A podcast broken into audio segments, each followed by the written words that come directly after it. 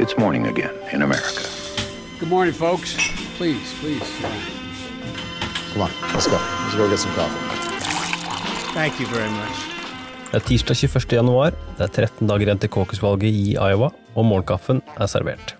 I går var det Martin Luther King Day i USA, og åtte av kandidatene hadde tatt turen til Columbia, South Carolina for å delta på King Day-markeringen der. Det var da Tulsi Gabbard, Joe Biden, Amy Klobuchar, Elizabeth Warren, Bernie Sanders, Pete Buttigieg, Tom Steyer og Deval Patrick, som ja, fortsatt er en presidentkandidat, selv om han får meget lite oppmerksomhet. Og så til dagens saker. En ny Iowa-måling viser Joe Biden i tet i delstaten. I målingen så får Biden 24% Warren 18% Buttigieg 16 Bernie Sanders 14 Amy Klobuchar 11 mens Tom Steyer og Andrew Yang ligger på henholdsvis 4 og 3 prosentpoeng. Det er eh, Warren som går mest tilbake i denne målingen, sammenlignet med september, tilbake 5 prosentpoeng, mens Buttigieg går fram 4 og Sanders går fram 5. Binder Research, som har utført målingen, fremhever også at hele 17% av de spurte oppgir at de ikke vil støtte noen annen kandidat dersom deres egen kandidat ikke oppnår 15% på caucus-møtet i sitt lokale valgområde. Men det er jo da lettere sagt enn gjort i en slik måling, for kandidater som havner under 15% får ikke del i fordelingen av delegater, og hele poenget med disse caucus-valgene er da å prøve å overtale sine naboer og venner om å støtte en annen kandidat, dersom deres egen ikke får nok støtte. I går tok vi for oss flere støtteerklæringer. Kan du da ta med oss at Quad City Times i Iowa støtter Amy Klobuchar? Being a progressive, the last time I checked, meant that you should make progress.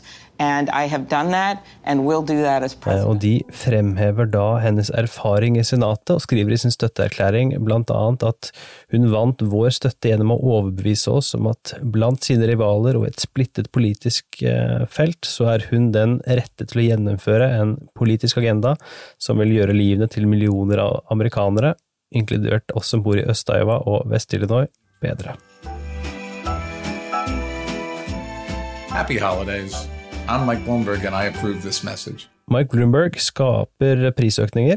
Den tidligere New York-ordføreren og mangemilliardæren Bloomberg har da i løpet av de første åtte ukene av sin selvfinansierte valgkamp brukt hele 248 millioner dollar på reklame, og da først og fremst på TV. Bloomberg er på lufta i så godt som alle delstater, og den store etterspørselen fører da til stigende priser. Og Politico melder at prisen for politisk TV-reklame i snitt har gått opp med 20% i mediemarkeder rundt omkring i USA siden Bloombergs kampanje begynte å kjøpe opp reklameplass. Dette skaper problemer både for de andre presidentkandidatene og for lokale politikere som ønsker å nå sine egne velgere. I går marsjerte tusenvis med våpen i Richmond, Virginia. Det var da en våpendemonstrasjon som heldigvis ikke endte i vold, slik mange hadde fryktet. Derimot var det da tusenvis av lovlydige, våpenbærende demonstranter å se i gatene i Virginias hovedstad. You know you can't go inside with the rifle, so you just plan to stay outside the perimeter? Pretty much. And and do you feel like that's just as effective as, as being next to the Capitol or It sends a pretty big message. Det endte ikke i noe slagsmål mellom demonstranter eller motdemonstranter, og det var heller ikke mange rapporter om ekstreme gruppers tilstedeværelse. Demonstrantene protesterte mot nye våpenlover som har blitt vedtatt av delstatssenatet, og vår egen Henrik Østensen Heldal eh, var på NRK hele tre ganger i går, og vi kan her høre et lite utdrag hva han hadde å si på P2s Studio 2 i går.